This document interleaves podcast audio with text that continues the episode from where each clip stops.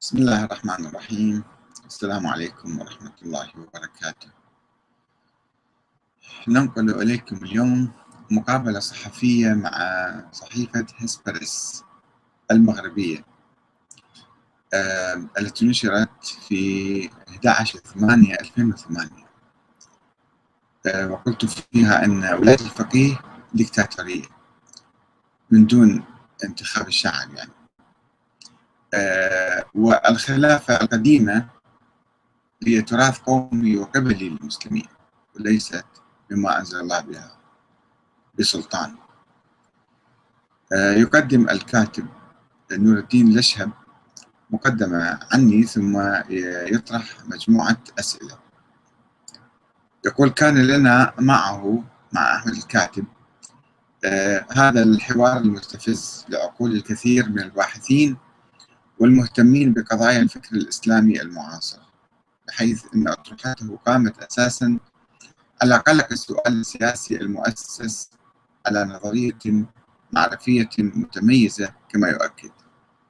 حوار بقدر ما هو مستفز للعقول وأيضا مقرب للقلوب بين المسلمين وإن كانت هذه المسألة لا تعنيه في بداية الأمر غير أنها كانت ثمرة من ثمرات مشروعه الفكري كما يؤكد في هذا الحوار.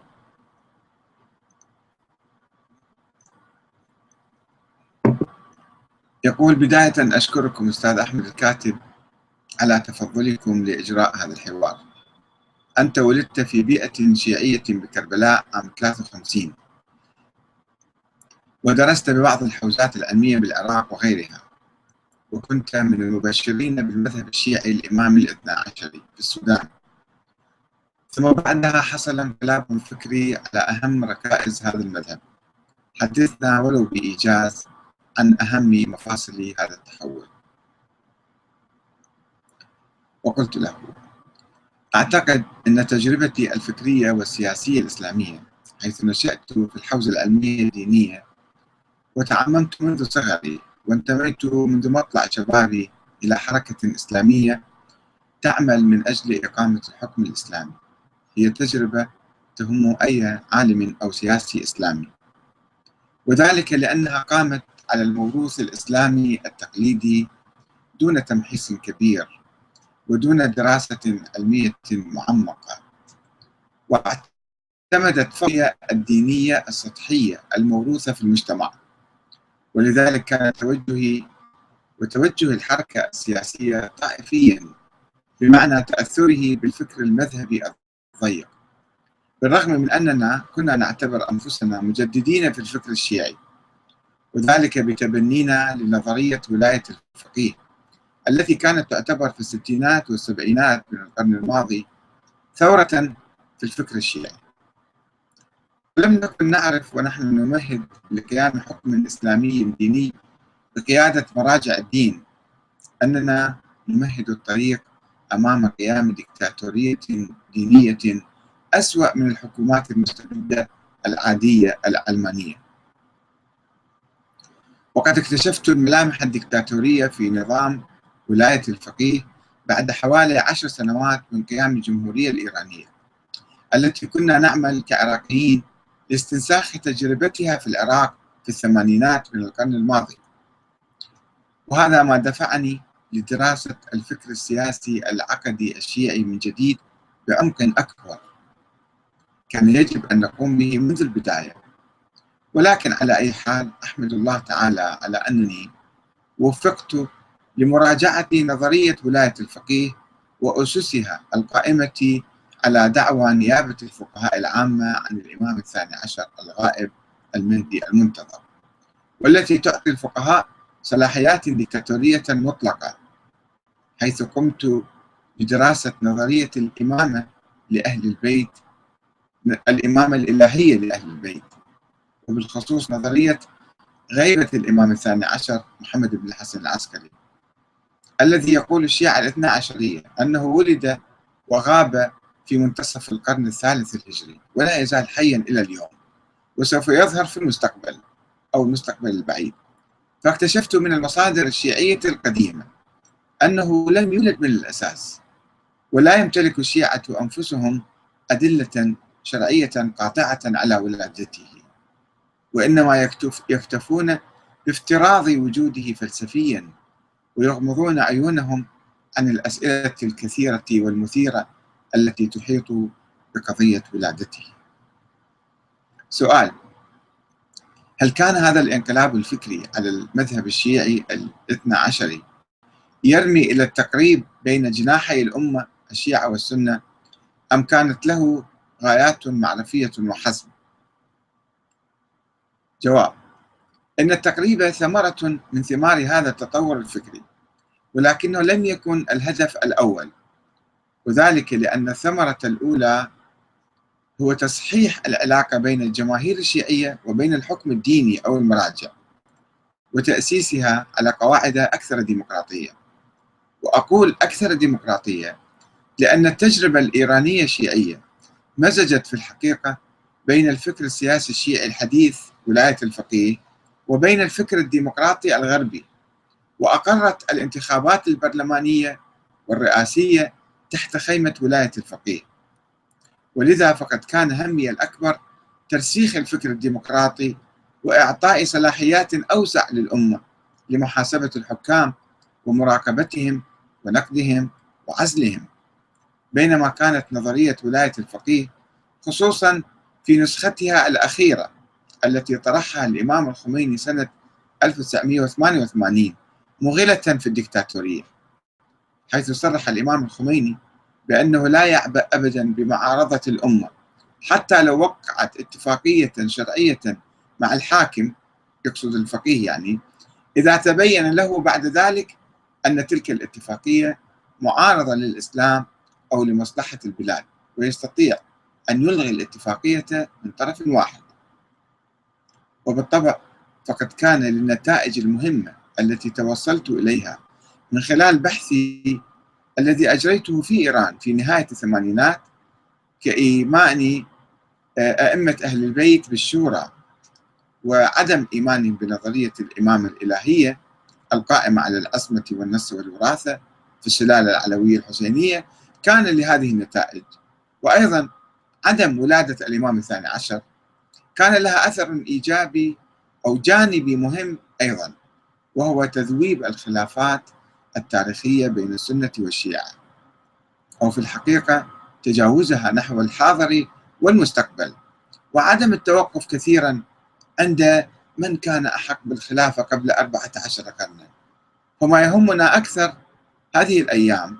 هو من يحق له الحكم اليوم؟ وكيف يقيم أفضل العلاقات الديمقراطية مع الشعب؟ سؤال. مراجع الشيعة الاثنى عشرية في العراق شاركوا في الحكم تحت عنوان الديمقراطية الغربية.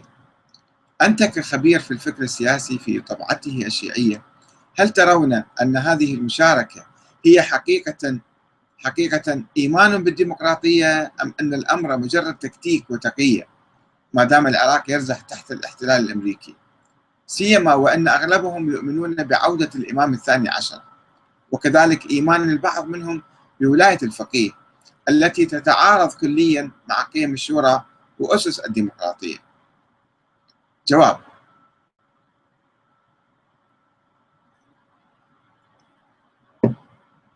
إن عقيدة الانتظار هي عقيدة سلبية عقيمة وقد أضرت بالشيعة عبر التاريخ وأخرجتهم من مسرح التاريخ ومسرح الحياة. ولذا فقد سار عليها أنصار نظرية ولاية الفقيه ولكن ليس كل الفقهاء الشيعة يؤمنون بهذه النظرية. فهم قد كفروا بنظرية الانتظار عمليا وقاموا بالالتفاف عليها بدعوى التمهيد للإمام الغائب. وأنتجوا في نفس الوقت نظريات جديدة تتيح للشيعة ممارسة الحكم والسلطة. ومن هنا أعتقد أن إيمانهم بالنظرية الديمقراطية هو إيمان واقعي وليس تكتيكا ولا تقية ولكنه إيمان ينفصل عن العقيدة التاريخية المذهبية التي لم يعد الإيمان بها قويا وراسخا وجذريا بل تعرض للكثير من النقد والمراجعة. وآمل أن يؤدي ذلك عما قريب إلى مراجعة كثير من المقولات المذهبية العقيمة والميتة والتخلي عنها على المستوى النظري بعد التخلي عنها على المستوى العملي والواقعي. سؤال. طيب ما هي رؤيتك للفكر السياسي الإسلامي المعاصر؟ جواب. الفكر السياسي الإسلامي المعاصر شهد تطورات إيجابية كثيرة منذ حوالي مئة عام. وقد حاول التقدم بخطوات كبيرة في أواخر العهد العثماني. ولكن انقلاب كمال أتاتورك على الخلافة العثمانية والدين الإسلامي ولد ردة فعل عاطفية سلبية نحو التمسك بصيغة الخلافة القديمة التي لم تكن بالضرورة تعبر عن الإسلام. بقدر ما كانت تعبر عن التراث القومي والقبلي للمسلمين. ولذلك لا نزال نشهد حتى اليوم من يطالب بإعادة نظام الخلافة ويعتبره النظام الإسلامي الفريد المفقود ويعادي التجربة الإنسانية الديمقراطية الغربية باعتبارها كفرا وإلحادا. ولا يمكن أن تلتقي مع الإسلام أبدا. ولو بذلنا جهدا أكبر لدراسة التجارب السياسية القديمة بدءا من تجربة الصحابة التي كانت تجربة إنسانية عرفية عقلية بنت ظروفها الاجتماعية الخاصة ولم تكن مؤسسة على نصوص من القرآن أو السنة اللذين ترك المجال السياسي مفتوحا للمسلمين أمام التطور وانتهاء بأنظمة الخلافة العباسية والعثمانية. لو قمنا بدراسة هذه التجارب لتوصلنا إلى حل العقد التي تحول دون تطورنا اليوم وأخذنا بالنظم الديمقراطية الحديثة التي توفر العدالة والمساواة وتعطي الأمة السلطة كاملة لها بدل أن تحصرها بيد شخص أو حزب أو طبقة من الناس. سؤال الكثير مما يزعم لنفسه أن هذه آه، المذاهب والطوائف التي نراها اليوم إنما هي إفراز للأزمة السياسية التي ظهرت مع حكم بني أمية. لما تم تغييب مفهوم الشورى في اختيار الحكم وحل محلها بيعة الإكراه. هل توافقون على هذا الطرح؟ جواب إنها في الحقيقة أفعال وردود أفعال. ولا يقتصر الأمر على بني أمية فقط. وإنما شارك في صناعة هذه المذاهب العلويون والعباسيون أيضا. وقد غاب مفهوم الشورى عن الحياة الإسلامية العامة قرونا طويلة من الزمن. والمهم هو كيف نعيد ثقافة الشورى أو الديمقراطية للأمة التي لا يزال قسم كبير منها يرفض التطور بحجة التمسك بالإسلام. سؤال هناك مقولات شائعة في الفكر الإسلامي المعاصر. أصبحت سمة بارزة وأفكار مميزة أو أفكار مميزة لبعض الحركات والأحزاب الإسلامية. وباتت أطروحات شائعة تسيج مقولاتها الفكرانية. البعض يتخذ المثال في الخلفاء الراشدين والآخر يقول بولاية الفقيه وبعضهم يقول بولاية الأمة على نفسها. ما هي رؤيتكم لهذه الأفكار؟ وهل تتوفرون على بديل لهذه العناوين؟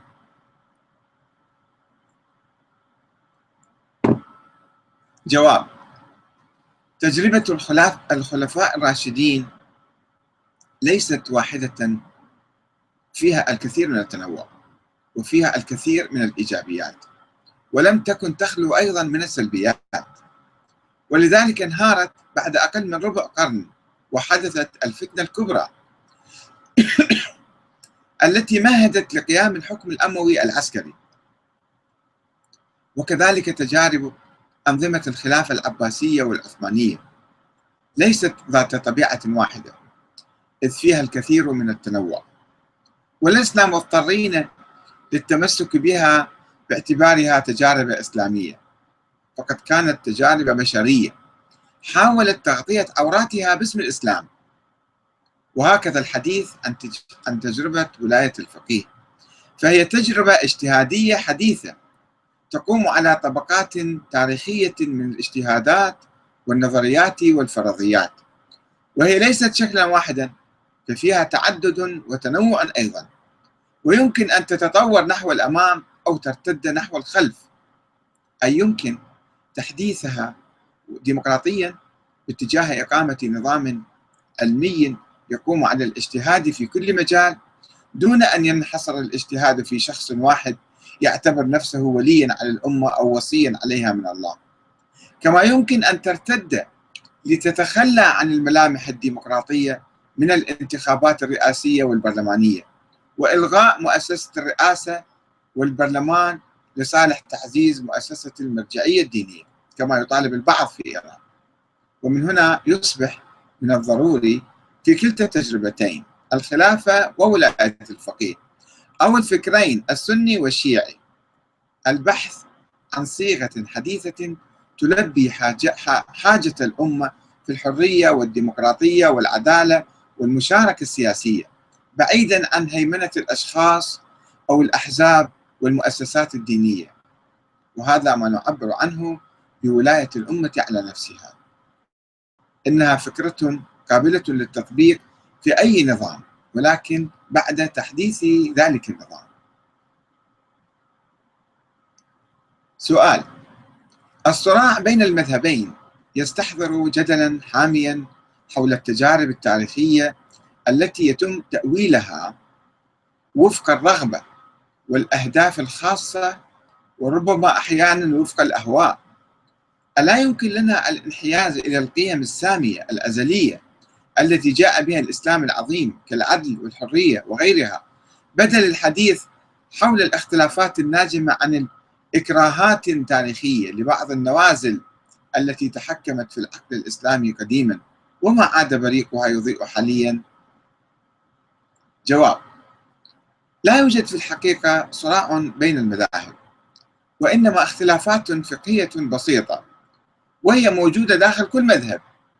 ولن تنتهي هذه الخلافات ولن تتوقف. ولكن الاختلاف الكبير الذي كان ولا يزال موجودا هو الخلاف حول آه، طبيعة الأنظمة الدستورية. هل هي أو ديكتاتورية؟ وهذه مشكلة موجودة داخل كل مذهب وداخل كل دين. وهناك من يحاول الالتفاف عليها واستغلالها والتلاعب بها كما يتلاعب البعض بالشعارات الديمقراطية والمجالس النيابية في الكثير من البلاد العربية والإسلامية وغيرها.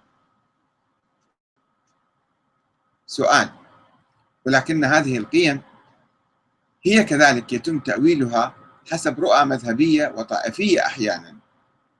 جواب نعم هذا يحصل ولن يستطيع أحد إيقاف التلاعب بتلك القيم. حتى الأديان تعرضت إلى كثيرة ومستمرة للتلاعب بها وتحريفها.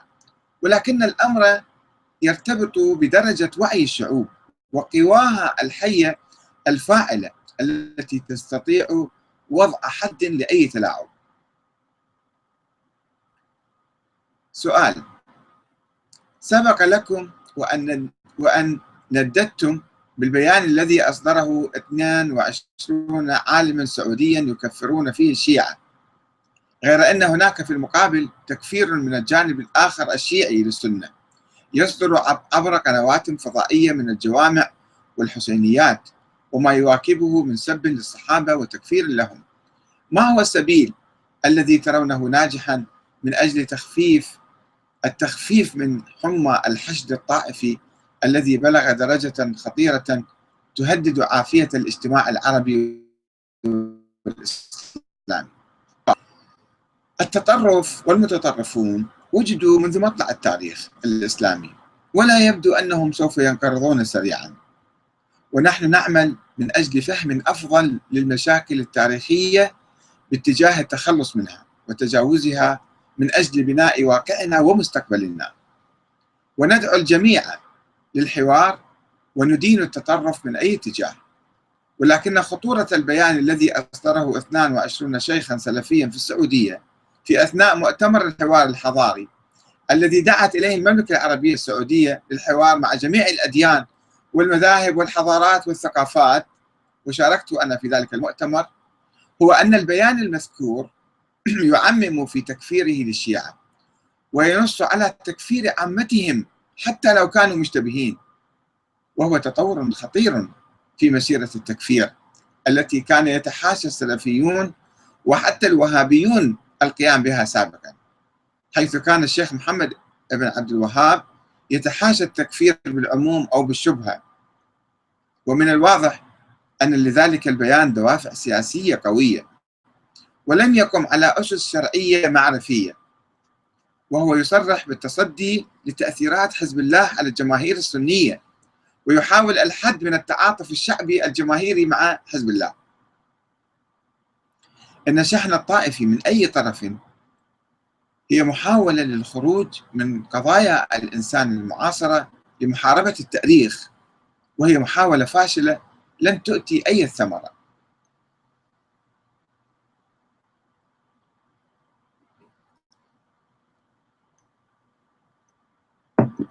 السؤال في إحدى مؤتمرات التقريب بين السنة والشيعة اتفق المؤتمرون على دعوة أهل كل مذهب أن لا يقوم بالتبشير بالتبشير في البلدان التي لا يوجد فيها المذهب الذي يعتقدونه ويعتنقونه. وبما أنك سبقت وبما أنك سبق لك أن قمت بالتبشير للمذهب الشيعي الاثنى عشري في السودان قبل مراجعة قبل مراجعاتك الفكرية هل تجد هذا الاتفاق بين المؤتمرين سبيلا صالحا للتخفيف من الحشد الطائفي؟ وهل يمكن أن تعتقل القناعات والأفكار؟ أم ماذا؟ جواب الاتفاق في المؤتمرات على أمر لا يعني القدرة على تطبيقه وأساسا لا أعتقد بوجود مناطق ملكية لهذا الفريق أو ذاك. كل مذهب يعني يحتكر له مثل منطقة معينة. والفكر لا يعرف الحدود. وهناك اليوم حوارات يومية تجري على البالتوك وفي الفضائيات. فكيف يمكن عزل المشاهدين من أتباع هذا الفريق أو ذاك؟ إذا فاشل ويجب أن نفتح الحوار للجميع. وإنما نوجهه باتجاه القضايا المعاصرة. بدلا من الخوض في حوارات عقيمة لا تسمن ولا تغني من جوع. فماذا سوف يتغير لو أصبح العالم الإسلامي كله شيعيا أو كله سنيا؟ المهم تغيير الواقع الدكتاتوري الظالم إلى نظام عادل حر مستقل سيد يوفر الكرامة ولقمة العيش لأبنائه من جميع الطوائف. سؤال كتاباتك تلقى الكثير من النقد من لدن مراجع الشيعة الاثنى عشرية. وكذلك من قبيل أو من قبل مثقفيهم إلى درجة التكفير والتفسير وكان ردكم على أهمها التمحيص في الروايات والأحاديث الموضوعة والبحث العلمي في التاريخ والعقائد. كيف تفسرون هذه الهجمة؟ سيما وأنكم غرباء بحيث لا يعرفكم وأمثالكم من المراجعين في الفكر السياسي الشيعي إلى القليل. جواب عفوا. لم أسمع بتكفير أحد لي. وأما النقاش والرد فهو أمر طبيعي ودليل خير وعافية.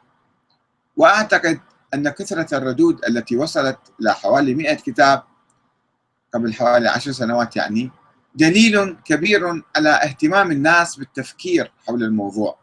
ولذلك لا أعتقد أني غريب في الأوساط أو في الوسط الثقافي الشيعي. وأرى تفاعلا كبيرا بين الناس معي. ومن الطبيعي أن تأخذ الأفكار الجديدة وقتا للانتشار الواسع بين الناس. وعموما أعتقد أن حركة الفكر لدى عامة الناس تسير باتجاه الديمقراطية بدلا من ولاية الفقيه. كما حدث في العراق مثلا عندما تبنت الحركات الإسلامية وحتى مراجع الدين النظام الديمقراطي. وتجاوزوا نظام ولاية الفقيه. وهذا ما كنت أطمح إليه في كتابي تطور الفكر السياسي الشيعي الصادر عام 97 سؤال نسمع بين الفينة والأخرى اتهام البعض للشيعة بتحريف القرآن وأن الشيعة لديهم قرآن اسمه مصحف فاطمة وما إلى ذلك من الاتهامات. ما حقيقة ذلك أستاذ؟ جواب حكاية تحريف القرآن حكاية أسطورية. دسها البعض في روايات أهل البيت القديمة في القرن الثاني الهجري ولكن الشيعة تبرأوا منها عبر التاريخ وأعلنوا تمسكهم بسلامة القرآن الكريم من التحريف. بعض الحشويين الأخباريين يقوم بين الفينة والأخرى باستعادة تلك الحكاية الأسطورية كما أن بعض خصوم الشيعة يقوم بالتهريج عليهم بصورة عامة. ويأخذ الأبرياء والرافضين لتلك الأسطورة بجريرة الأخباريين الحشويين من أجل إقصائهم عن الحياة وتشويه سمعتهم والفصل بينهم وبين بقية المسلمين. وإلا فما الذي يدفع ملايين المسلمين الذين يشهدون أن لا إله إلا الله محمد رسول الله للإيمان بتحريف هذا الكتاب خلافا لما جاء فيه من حفظ الله لكتابه المجيد؟ ولماذا يكفروا بهذا الدين إذا ولماذا لم يكفروا بهذا الدين إذا إذا كانوا يؤمنون بالتحريف فكان بإمكانه يكفر بكل الدين. إن من يراجع المصاحف المطبوعة والمخطوطة بواسطة الشيعة عبر التاريخ وهناك حوالي ألف مصحف مكتوب عبر التاريخ الشيعي. لا يجد نسخة واحدة تحتوي على تحريف آية واحدة من القرآن أو حتى حرف واحد. وقد رأيت مصحفا يضم صفحات مختلفة من حوالي ألف مصحف مخطوط أو مطبوع في إيران ولم يكن يوجد فيها مصحف واحد محرف. وهذا ما يؤكد إجماع الشيعة على سلامة القرآن ونفي التحريف عنه. ولكن الحملات الإعلامية المغرضة التي تحاول التفريق بين المسلمين وتضخم أو تفتعل الخلافات بينهم والاختلافات بينهم يهمها المسلمين حتى تمزقهم وتصرف بعضهم عن بعض. سؤال. الأفكار التي وصلتم إليها وهي جريئة حقيقة. هل تعملون في مؤسسة أو مختبر علمي أم أن اجتهادكم يقوم به فرد واحد هو أحمد الكاتب؟ جواب. مع الأسف الشديد هو نتاج مجهود فردي. ولو كنت أملك مؤسسة علمية لكانت النتائج أوسع وأكثر تأثيرا. ولكني أسعى من أجل إقامة معهد علمي يحقق ذلك الهدف بإذن الله. سؤال. لكم جمعية اسمها الحوار الحضاري. حبذا لو تحدثنا عن أهداف جمعيتكم وعن النتائج المرجوة منها. جواب. جمعية الحوار الحضاري هي خطوة على ذلك الطريق. بهدف تأسيس بوابة للحوار بين المسلمين من أجل دراسة القضايا المختلف عليها في العقيدة والتاريخ والفقه والسياسة وما إلى ذلك. لكي نتجاوز التاريخ نحو الحاضر والمستقبل وأسأل الله أن يوفقنا لتحقيق الخطة المرسومة. سؤال المفكر السوداني الدكتور حسن الترابي يقول بأنه ليس أنت أين تجد نفسك مع الشيعة أم مع السنة؟ جواب فعلا أؤيد الدكتور الترابي في هذه المقولة وأنا لا أعرف نفسي بالتعريفات الطائفية القديمة التي كانت عبارة عن أحزاب سياسية في وقتها وقد بادت وانقرضت ولم يبق منها سوى الأسماء الوهمية. سؤال أثارت أعمال المفكر الإيراني علي شريعتي بعد ترجمتها إلى اللغة العربية. تقبلا مشوبا ببعض التحفظات من لدن قطاع واسع من السنة والشيعة معا. من جهتك أستاذ كيف ترى مردود هذا المفكر الذي اغتيل قبل الثورة في إيران؟ جواب هو عالم اجتماع مسلم قام بقراءة التراث الفكري الشيعي وتجديده ونفخ الروح الثورية فيه وضرب الجوانب السلبية التي كانت تحول دون انخراط الشيعة في الحياة السياسية انتظارا للإمام المهدي الغائب. وقد نجح في تشكيل الأرضية المناسبة للثورة الإسلامية في إيران والتحرر من الكثير من المقولات المتحجرة السلبية في الثقافة الشيعية. وأخيرا الأستاذ نور الدين لشهب يقول أشكركم أستاذ أحمد الكاتب على هذا الحوار القيم مع واحد من من مفكري الأمة المجتهدين. وأقول له شكرا جزيلا لكم وفقكم الله لخدمة الإسلام والمسلمين وتوحيد المسلمين وتحريرهم من الاستبداد والطغيان والاحتلال. والسلام عليكم ورحمة الله وبركاته.